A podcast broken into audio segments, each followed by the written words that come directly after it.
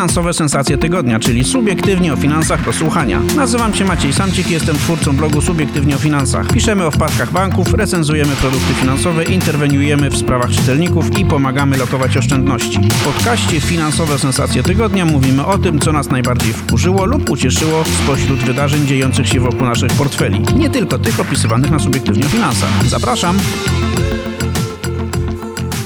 Dzień dobry, przy mikrofonie Maciek Bednarek, subiektywnie o finansach. Witam Was w kolejnym e, odcinku podcastu Finansowe Sensacje Tygodnia.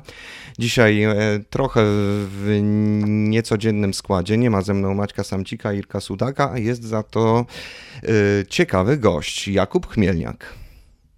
Witam Was wszystkich bardzo serdecznie i dzięki Maciek za zaproszenie. Jakub jest przedsiębiorcą. Jakub pracuje w branży odzieżowej. I zaprosiłem Kubę do podcastu, żeby e, opowiedział nam e, o przyszłości tak naprawdę handlu, ale nie tylko.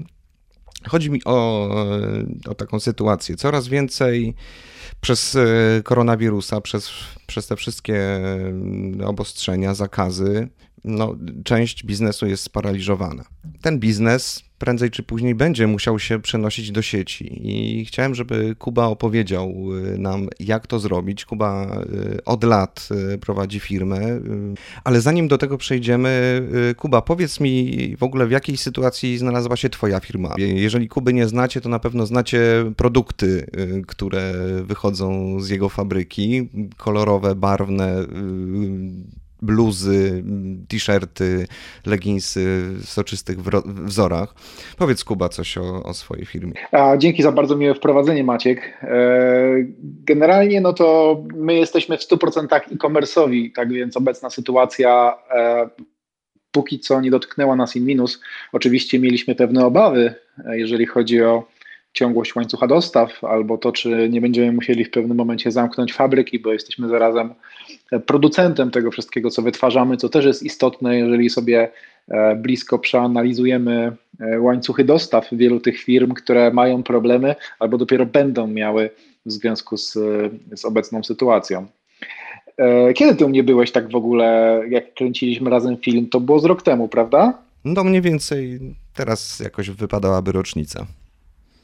No i właśnie, także fabryka y, dalej stoi tak jak stała, tylko jest y, odrobinkę większa. E, Kuba, przepraszam. się, kupujemy nowe nieruchomości. No? Przepraszam, wyjaśnię naszym słuchaczom, naszym czytelnikom o, o co chodzi. Rok temu byłem w fabryce w Bielsku Białej. Kuba pokazywał, jak pokazywał mi fabrykę, pokazywał proces, ale również wyjaśniał, jak, jak jego firma osiągnęła międzynarodowy sukces. Także e, możecie, możecie znaleźć e, film e, i zobaczyć, zobaczyć Kubę mm, w telewizji. Tak, dokładnie. Ten film można znaleźć w internecie. Zresztą ja też trochę nagrywam i u mnie na kanale też można znaleźć parę mm, fajnych kawałków.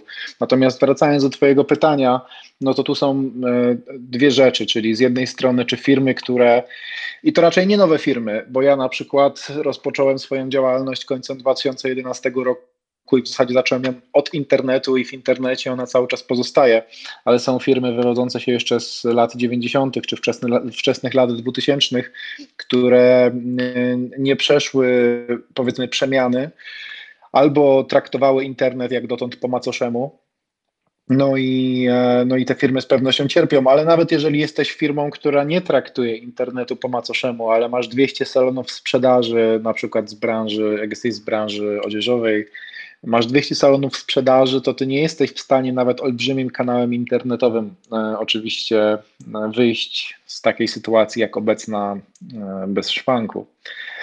Problemów, e, problemy nie dotyczą tylko powiedzmy płynności finansowej, rentowności biznesu, tego ile pieniędzy nam zostaje na kontach i czy jesteśmy w stanie przetrwać w sytuacji właśnie takiego totalnego braku przychodu. Tutaj faktycznie internet daje pewien oddech, e, ale ciekawą rzeczą, o, których, o której mało kto mówi, jest e, zamrożony łańcuch dostaw, który akurat miał miejsce, jak Chiny przez, przez miesiąc, dwa miesiące były, były zamknięte. U nas też to e, cargo bardzo mocno spowolniło.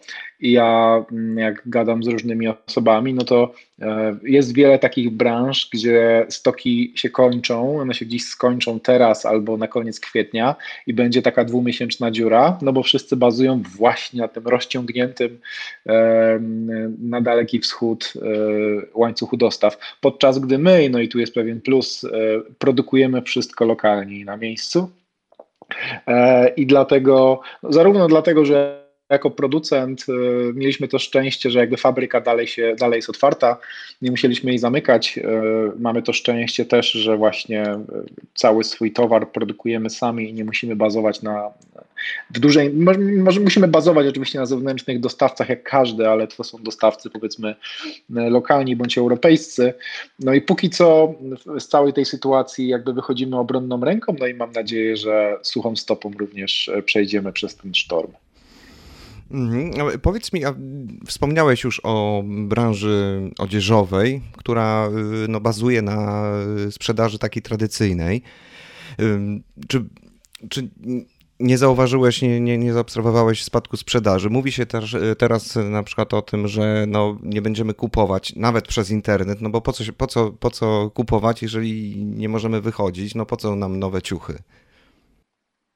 Wiesz co, dla wielu ludzi kupowanie jest e, formą terapii bądź odreagowania codziennych stresów. E, to jest ostatecznie to, co e, wielu osobom sprawia radość po tym, jak już przepracują ten ciężki tydzień bądź miesiąc, że mogą sobie za to coś fajnego kupić.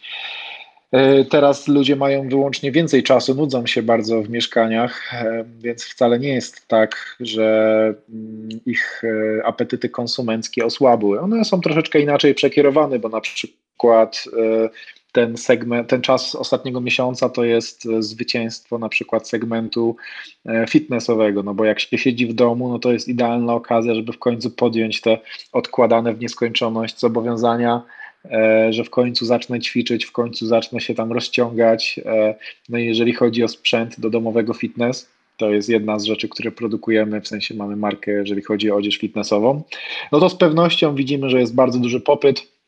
Również widzę na Allegro, że jeżeli chodzi o jakieś tam sprzęty, akcesoria do ćwiczeń, no to E, to popyt jest y, olbrzymi, no bo wszyscy gdzieś tam te ćwiczenia chcą wykonywać, a jak już chcą je wykonywać, to oczywiście chcą je wykonywać modnie, tym bardziej, że te treści wrzucają do internetu, więc trzeba jakoś wyglądać.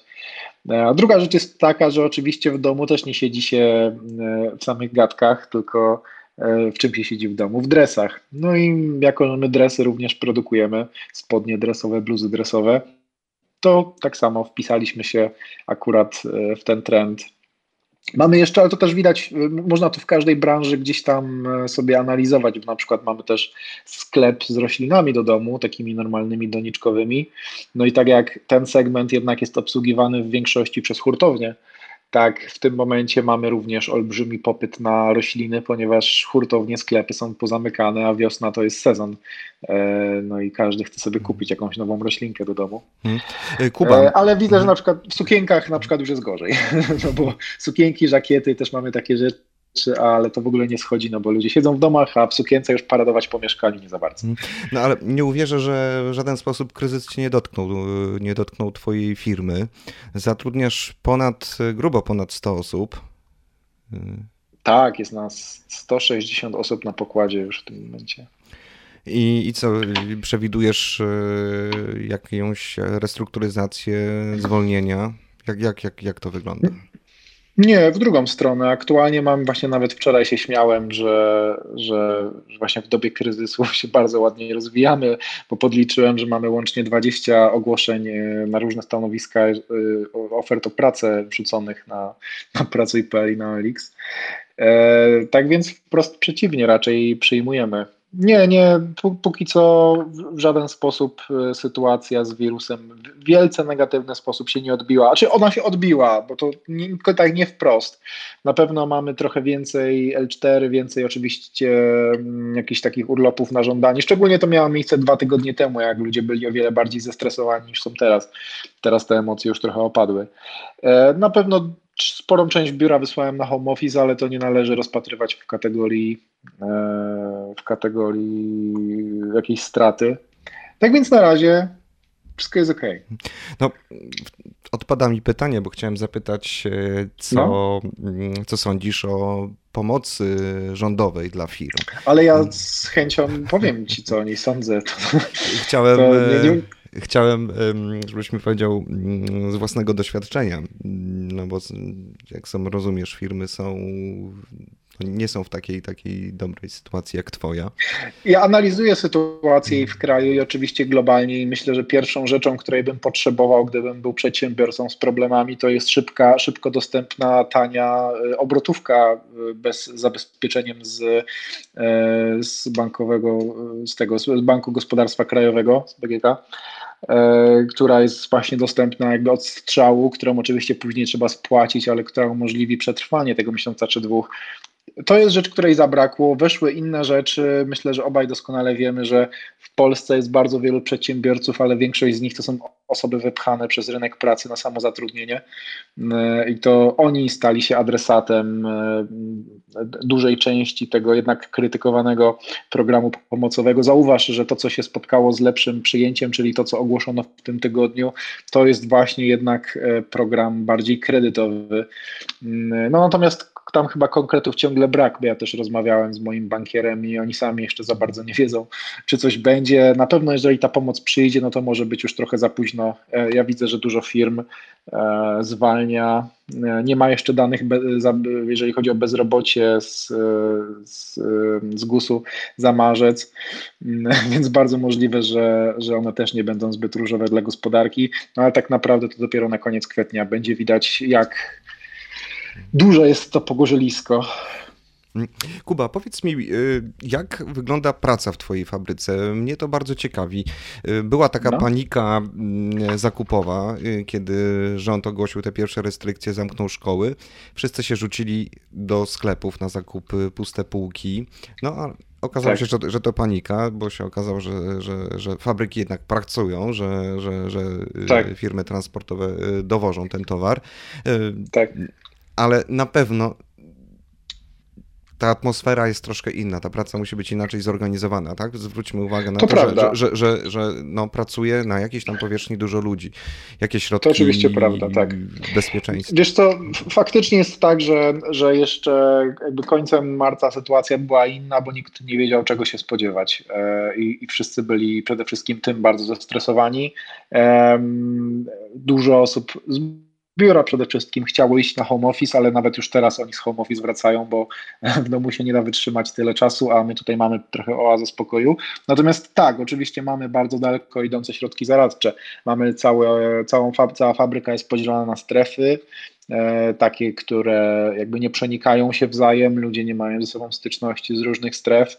Mamy oczywiście wszędzie żele antywirusowe, E, mamy, mierzymy temperaturę wszystkim osobom, które e, każdego dnia przychodzą do, do, do, firmy. Oczywiście wysyłamy do domu, gdyby były jakieś nawet podejrzenia, że coś może być nie tak. Czyli tak jak, e, tak jak słyszysz, są to dość daleko idące środki ostrożności na zasadzie, że ile możemy zrobić, to tyle zrobimy, a reszta to są wiadomo zdarzenia losowe. Na szczęście żadna z osób u mnie zatrudnionych nie miała w gronie znajomych bądź rodziny styczności z nikim e, e, zakażonym koronawirusem. Również e, tutaj zresztą na prowincji też jest troszeczkę spokojniej w Bielsku Białej, bo jednak ten, kiedy media donosiły, że półki sklepowe są puste, to tutaj były jeszcze pełne i dało się, dało się wszystko kupić, tak więc ta sytuacja też się różni z miasta do miasta i myślę, że jakby im mniejsze, im mniejsza, mniejsza środkiem jest spokojniej i tym dalej od, od potencjalnych zakażeń, chociaż w Bielsku te trochę jest. No i dlatego też, żeby się przyczynić do walki oczywiście z lusem, zaczęliśmy między innymi szyć charytatnie maski dla szpitali. Dzisiaj pierwsza dostawa paru tysięcy masek została przeze mnie osobiście zawieziona do, e, do tutaj pani senator z naszego, z naszego miasta, pani Gorgin Komor, która oczywiście jako lekarz dalej dystrybuuje te maski po najbardziej potrzebujących ośrodkach, więc też nie tylko jakby sami siebie zabezpieczamy, ale staramy się też zabezpieczyć innych. Maski, y, wyjaśnij mi fenomen. Mm, działasz w tej branży. Polska to jest no. kraj o bardzo bogatych y, tradycjach przemysłu włókienniczego, y, odzieżowego i nagle w takim kraju, jak wybucha epidemia, i nie ma masek. To jest, wydaje się, hmm. produkt no, no dość prosty do produkcji. Co się stało? Wyjaśnij mi. Wiesz, trzeba to rozgraniczyć, bo te maski, które, z których korzystają szpitale, maski chirurgiczne, nie mówiąc o maskach już z filtrami FFP2, FFP P3 to są produkty, które nie są, e, które są produkowane, jest specjalna maszyna, która to produkuje, nie są produkty szyte, one wyskakują po prostu z, z automatu. E, natomiast jakbyś sobie w tym momencie wszedł na Allegro i wpisał maska, to zobaczyłbyś, że sprzedają się olbrzymie ilości masek. W zasadzie wszystkie polskie szwalnie w tym momencie szyją maski w mniejszym bądź e, większym stopniu. Myślę, że takiego prosperity, jakie będzie panowało od tygodnia, a jeszcze będzie panowało przez powiedzmy 2-3 tygodnie, no to większość fali nie widziała, odkąd e, Rosjanie zjeżdżali autobusami do nas po upadku Sojuza w końcu lat 90., bo u nas był towar, to wtedy można było im wszystko sprzedać, tak teraz można sprzedać wszystkie ilości tych masek.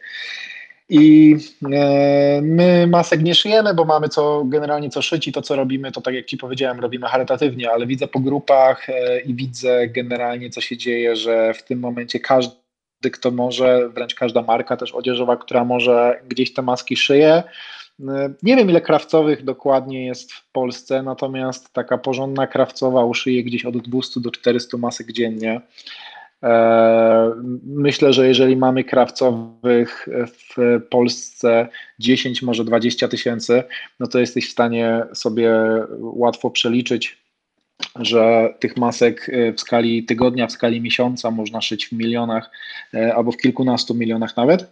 E, więc myślę, że nie jest tak źle, tylko że jak, jak, jak na wszystko, jakby trzeba czasu. Tutaj ponownie jest, jest niepewność. Czyli, że nie wiem, gdyby powstał narodowy program skupu masek albo coś takiego i, i, i byłyby jakieś ceny zakupu masek przez agencje rządowe, która, które później, oni by to później redystrybuowali, no to pewnie ta organizacja byłaby lepsza, szybsza, a tak to jest sektor prywatny, który tak naprawdę w tym momencie stara się na tym zarobić, bo zarobek jest bardzo dobry. Wyprodukowanie maski kosztuje gdzieś złoty 50, a e, jak sobie właśnie wejdziecie na Allegro czy do e-commerce, to zobaczycie, że ludzie sprzedają te maski po 10-15 zł, więc na pewno sobie wiele osób na tym słono zarobi. No ale to tylko tymczasowa sytuacja. Suma summarum, wiele. W końcu te maski przestaną się sprzedawać i ci sami ludzie też z tymi maskami no, zostaną później w magazynach. Przestaną. No, trzeba y, przypomnieć, że za chwilę wejdzie kolejne obostrzenie. Y, za kilka dni nie będzie można wychodzić. Tak, to właśnie w związku z tym obostrzeniem. To właśnie w związku z tym obostrzeniem jest niesamowity popyt w tym momencie na maski i dlatego absolutnie wszyscy te maski szyją.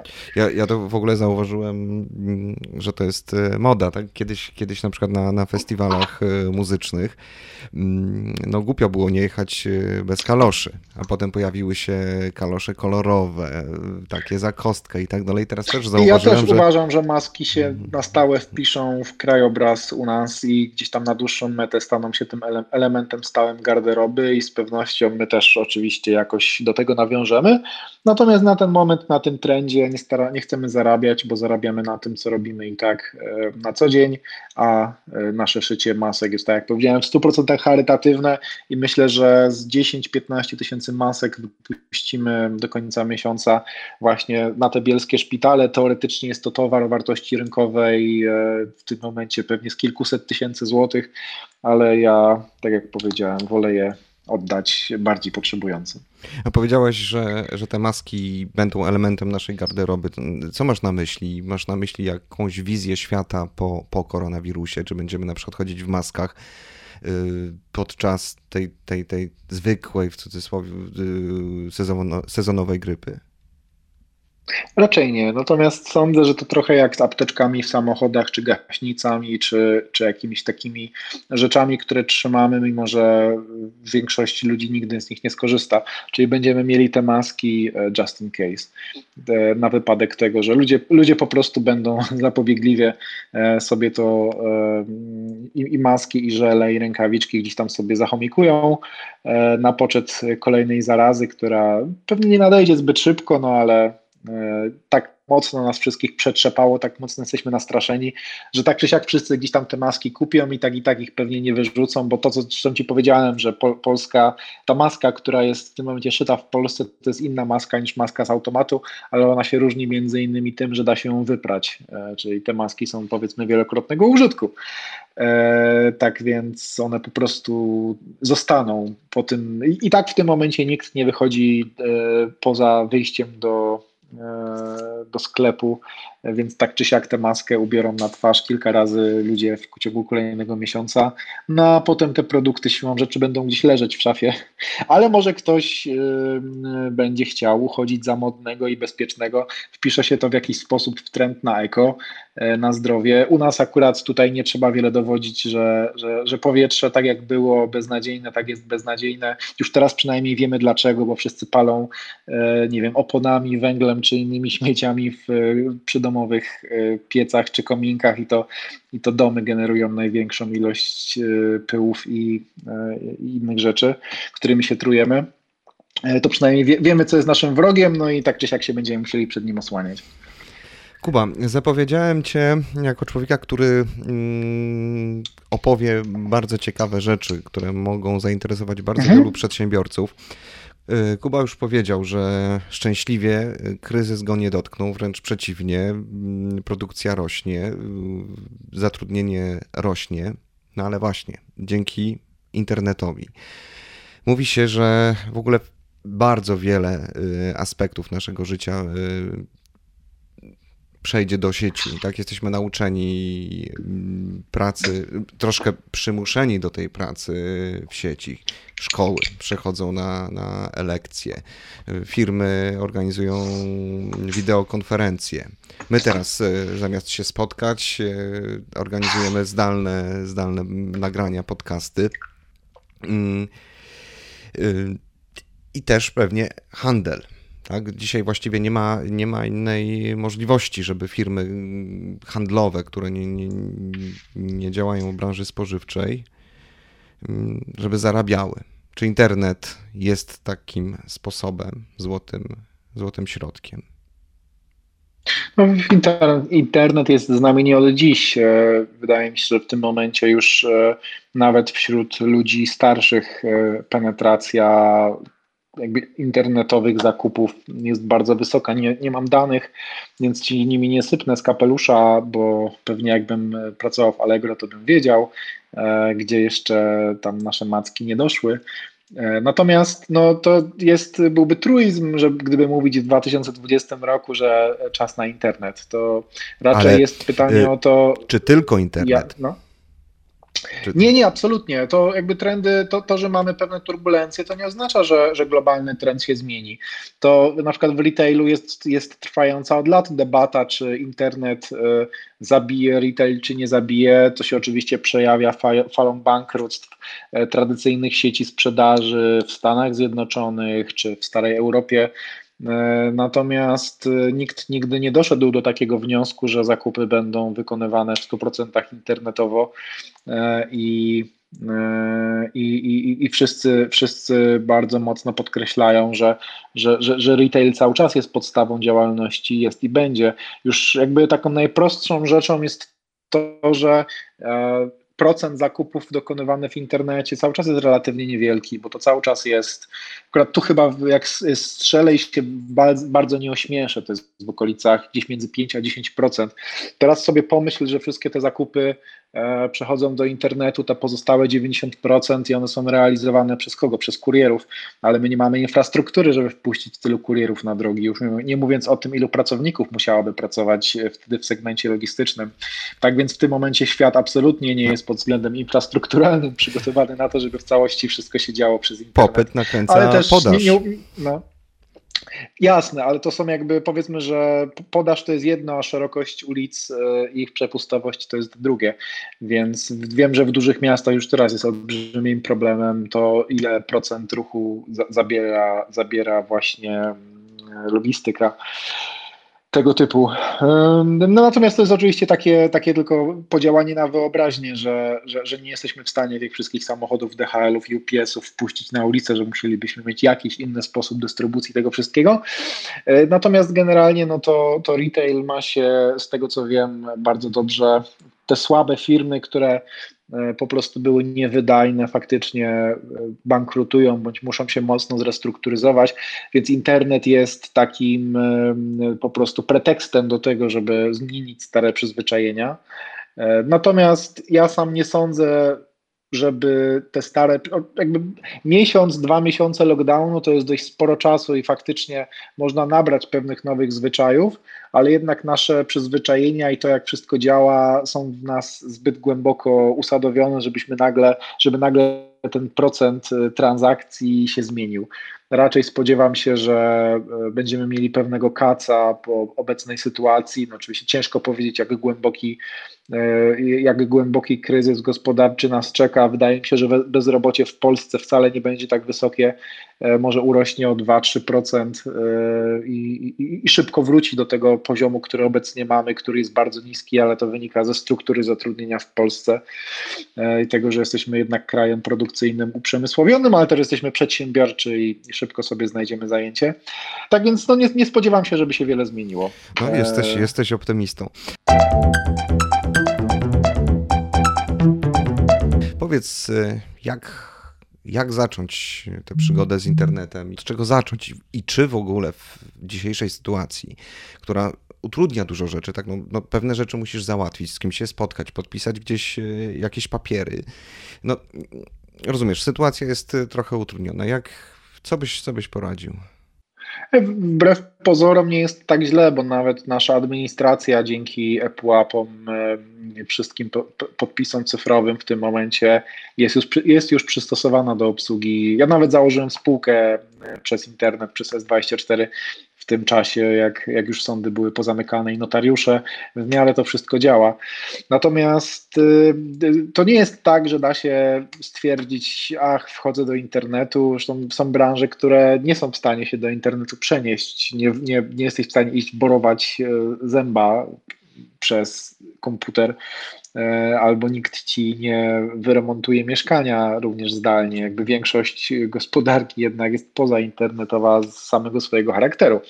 Natomiast jakby samo przejście do internetu, no to nie jest e, chwila, nie jest to miesiąc, nie, jest, nie są to dwa miesiące, to jest to długi okres czasu, który przede wszystkim wymaga przystosowania firmy do internetu, bo internet się rządzi zupełnie innymi prawami aniżeli offline. E, to są inne reguły, które są czasem niewspółmierne z tym, do czego jesteśmy przyzwyczajeni w offline.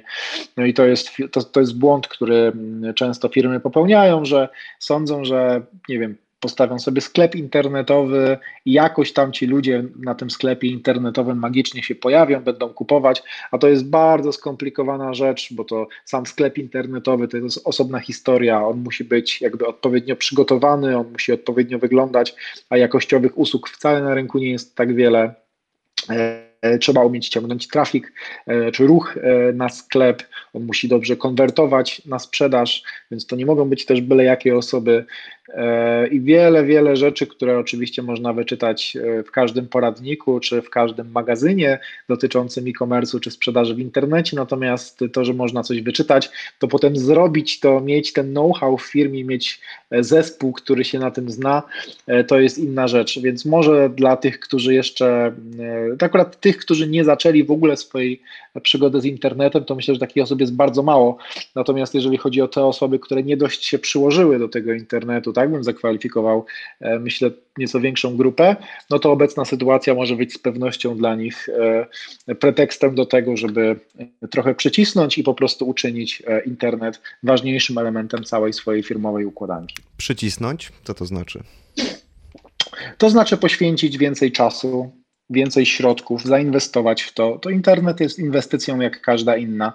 E, czy to reklama, czy to pozycjonowanie, czy to jakościowy sklep internetowy, czy to technologia do obsługi całego przedsięwzięcia. Wszystko to wymaga nakładów finansowych takich samych, jak nie większych, e, aniżeli e, sprzedaż stacjonarna. I dopiero jak człowiek zapłaci frycowe, przepracuje dłuższy czas, faktycznie zbuduje ten zespół, faktycznie przygotuje sobie procesy pod ten internet, to może liczyć na to, że, że to będzie działać, ale to w żadnym momencie nie jest samograj, który, który będzie działał od tak, tym bardziej, że internet to jest rynek wysoce konkurencyjny, że są branże, gdzie marże, gdzie jakby internet stał się pewną kwintesencją wolnego rynku, gdzie już się nie da wcisnąć klientowi smartfona czy, czy komputera, czy telewizora w wyższej cenie, bo wystarczy wpisać model, żeby w wyszukiwarkach cenowych wysko, wyskoczyły bardzo, jakby są, są takie branże, gdzie naprawdę nie da się już e, wcisnąć tej szpilki i to nie jest miejsce, gdzie wszystkie chwyty są dozwolone. Być może tak było w internecie 10-15 lat temu, gdzie jeszcze można było sobie trochę nawet oszukać tego klienta, powiedzmy, czy narzucić mu wyższą marżę, czy go trochę tutaj e, e, przybajerować, a, a teraz to jest wysoce konkurencyjny rynek i trzeba poznać jego zasady, żeby móc e, konkurować z innymi graczami, którzy też mają do niego dostęp. A wyobraźmy sobie e, sklep stacjonarny. Nie wiem, może to być e, sklep z artykułami papierniczymi. Tylko, mhm. tylko stacjonarny. No i ten biznes leży całkowicie. Zero klientów, zero przychodów. Co można byłoby w tej sytuacji polecić te, takiemu właścicielowi? Co on mógłby zrobić? Tak? Ja nie mówię tutaj o, o stawianiu y, jakiejś y, wypasionej strony internetowej. Mm, y, no właściciel powinien przede wszystkim zezłościć się na siebie, jeżeli do tej pory w tym internecie się nie znalazł, no bo myślę, że on nie jest w stanie zrobić absolutnie nic, bo jako właściciel sklepu, reseller produktu, on może funkcjonować jako biznes tylko na określonym terytorium, e, czyli powiedzmy w promieniu, nie wiem, dwóch kilometrów od tego miejsca, gdzie ma ten swój sklepik, może bazować na swoich stałych odbiorcach, ale to nie jest tak, że on nagle może, nie wiem, założyć sklep internetowy i ludzie kupią u niego długopis i zeszyt raczej aniżeli w innym miejscu. Internetowych sprzedawców tego samego produktu jest mnóstwo i nie sądzę, żeby z tego małego punkciku on był w stanie konkurować z większymi graczami. Tak więc taka osoba jest niestety na przegranej pozycji. A tak jak powiedziałem, da... Mhm. nie wszystkie biznesy da się przenieść do sieci nic się nie da zrobić, nie wiem, może, może Facebook, tak, to jest y, w miarę prosta rzecz. Znaczy, ty pewnie Może powiesz, że... na życzliwość, na życzliwość swoich znajomych, czyli tutaj e, to pytanie brzmi, czy nasz biznes był na tyle dobry, czy na przykład na tyle dobrze obsługiwaliśmy klientów, że teraz te osoby, tym osobom będzie zależeć na tym, żeby nasz sklep przetrwał i my wtedy możemy się adresować do tej grupy odbiorców, która jest naszymi stałymi klientami e, i faktycznie przetrwać. Natomiast to już jest jakby głębsze pytanie, dotyczące tego, jak, e, jak biznesy budują swoją, swoją grupę e, i, i gdzie one są posadowione. Jakby ten sklep papierniczy, tak jak powiedziałem, on z pewnością ma tych swoich klientów w promieniu dwóch kilometrów, ale czy on jest w stanie skutecznie dotrzeć do tych swoich stałych odbiorców, nie mam pojęcia. To raczej jest rozwiązanie na przeczekanie, aniżeli na dłuższą metę, bo ostatecznie klient jest coraz mniej lojalny jak on zobaczy, że ten sam zeszyt jest w stanie kupić dużo taniej e, w innym miejscu, no to niestety pójdzie i wybierze tą dostawę Allegro Smart za 0 zł e, i, i trudno. I będzie głosował portfelem w tym wypadku. A ile według tak Ciebie, to wygląda. Y, bazując na tym, na tym przykładzie, od zera do, do takiej pełnej sprzedaży internetowej, ile to jest czasu? Ale to zależy jaki mm. produkt, no bo są, no, są, y- takie, są przykłady, tak jak Ci powiedziałem, że no, nie, tak, taki sklepik papierniczy prawdopodobnie nie jest w stanie się przenieść do internetu, bo on nie jest w stanie konkurować w internecie w żaden sposób. W internecie trzeba sobie znaleźć niszę. Przykładowo, ja mam sklepy z ciuchami w różnych segmentach, mam sklep z okularami, mam sklep z, z odżywkami, mam sklep z roślinami. To wszystko jest pewna nisza, którą zająłem, ale to jest jakby nisza dedykowana na internet. Nie każdy produkt da się. Są też projekty, które mi się nie udały i które musiałem zamknąć, tylko i wyłącznie dlatego, że nie wstrzeliłem się z nimi w rynek. Więc to absolutnie nie jest tak, że każdy biznes offline'owy poradzi sobie w internecie. A jakie największe błędy według Ciebie mm, popełniają przedsiębiorcy handlujący w internecie? E, no, poza tym, co powiedziałem, czyli, czyli że przekładają swoje doświadczenia e, z offline'u na online, nie rozumiejąc tego, że to jest zupełnie inne środowisko, poza tym, że nie inwestują wystarczająco dużo w to, jak wygląda ich sklep, to, jaki mają marketing tego sklepu, jakie mają pozycjonowanie tego sklepu, e, to, że nie inwestują wystarczająco dużo w pracowników, którzy pracują w tych ich sklepie internetowym, to są takie błędy podstawowe. Natomiast e, no, cała reszta to jest to, ca, cała reszta wynika z tego, bo, bo można mówić o błędach popełnionych w obsłudze klienta, nie wiem, w pakowaniu paczek, można wydawać też pieniądze głupio na, na nieskuteczne działania marketingowe, można, yy, można bardzo dużo pieniędzy ładować w reklamę, jednocześnie mając nieprzystosowany do sprzedaży sklep, brzydkie opisy, brzydkie zdjęcia. Yy, to, to są wszystko rzeczy, które faktycznie można znaleźć w internetowych poradnikach, natomiast przepracowanie ich skuteczne dla własnej branży to niestety nie jest miesiąc, to wymaga lat pracy. Ja sam wiem, bo jak zaczynałem z internetem, to nie miałem żadnego pojęcia o e-commerce e, i generalnie cały know-how, który teraz posiadamy, nawet jeżeli on jest olbrzymi, to on powstał w tej organizacji na przestrzeni ostatnich 9 lat i my się cały czas uczymy nowych rzeczy, więc to nie jest tak, że tutaj można, to jest wysoce innowacyjna branża, cały czas pojawiają się nowe rozwiązania i usługi i trzeba być na bieżąco. Więc jest to wymagająca, wymagająca, mm, e, wymagający segment, ale oczywiście jeżeli się podejdzie do tego z głową, e, to zwraca się to w postaci oczywiście świetnego wyniku finansowego. Mhm. Kuba eksportuje, wysyła dużo swoich produktów za granicę. Powiedz mi, jak, jak epidemia zmieniła tutaj ten handel międzynarodowy? Tak naprawdę w zasadzie tutaj się zmieniła tylko jedna rzecz, e, mianowicie, bo cargo cały czas opuszcza Polskę, natomiast jest jeden e, podmiot w Polsce, który z tego czy innego względu e, przestał przyjmować przesyłki zagraniczne. Z pewnością wiele, wielu przedsiębiorców go pozwie z tego powodu. To jest oczywiście Poczta Polska. Natomiast no, Poczta Polska jest jednym z tylko z podmiotów obsługujących paczki, bo my korzystamy z usług wszystkich kurierów i kurierzy normalnie dostarczają przesyłki globalnie, tak jak dostarczali wcześniej. E, więc w gruncie rzeczy to się nic nie zmieniło. Były pewne opóźnienia, bo był na przykład taki. E, e, było, były duże korki na granicy polsko-niemieckiej w pewnym momencie, ale to też się zdaje się poluzowało, więc tak naprawdę w tym momencie nie widzimy żadnych wielkich opóźnień, żadnych wielkich utrudnień. Paczki dochodzą tak, jak dochodziły. Ta krew, krew, jaką, krew, jaką jest infrastruktura, cały czas płynie. A coś zmieniło się w strukturze sprzedaży? Więcej sprzedajesz w Polsce może? A niekoniecznie. To akurat zależy od, y, niezależnie od tego, że teraz mamy wirusa, to, to zależy od wielu czynników losowych, od tego, jak nam wyjdą reklamy, jakich influencerów podpisujemy.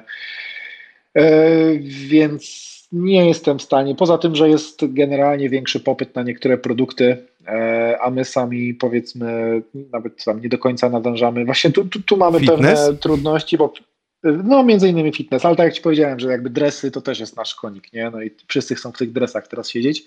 Natomiast właśnie przez to, że w tym momencie cała mm, Polska szyje maski, a my też w pewnym zakresie współpracujemy ze szwalniami zewnętrznymi, no to mamy pewien problem w tym momencie, żeby, żeby dawać szycie na zewnątrz e, i mamy trochę górkę e, na szyciu w tej chwili, ale to myślę, że na przestrzeni, tak jak powiedziałem, dwóch czy trzech tygodni sytuacja się unormuje i i, i też nadrobimy swoje zaległości. Powiedziałeś, że mm, e-commerce to jest rynek bardzo, bardzo konkurencyjny. Jak przewidujesz, y, jak, jak ta pandemia, tak za, załóżmy, że ona się za jakiś czas skończy, y, jak ten, czy ten rynek się zmieni, jak on się zmieni, czy ci silni, y, którzy są od lat na rynku, będą jeszcze silniejsi, czy to będzie taka szansa dla, mm, dla tych mniejszych? Właśnie, żeby, żeby, żeby tę igłę tam e, e, wstawić. Widzisz, jest o wiele więcej firm offline'owych, retailowych, aniżeli online'owych, więc jeżeli ktoś dostanie po tyłku, no to są firmy, które tradycyjnie sprzedają, e, sprzedają stacjonarnie.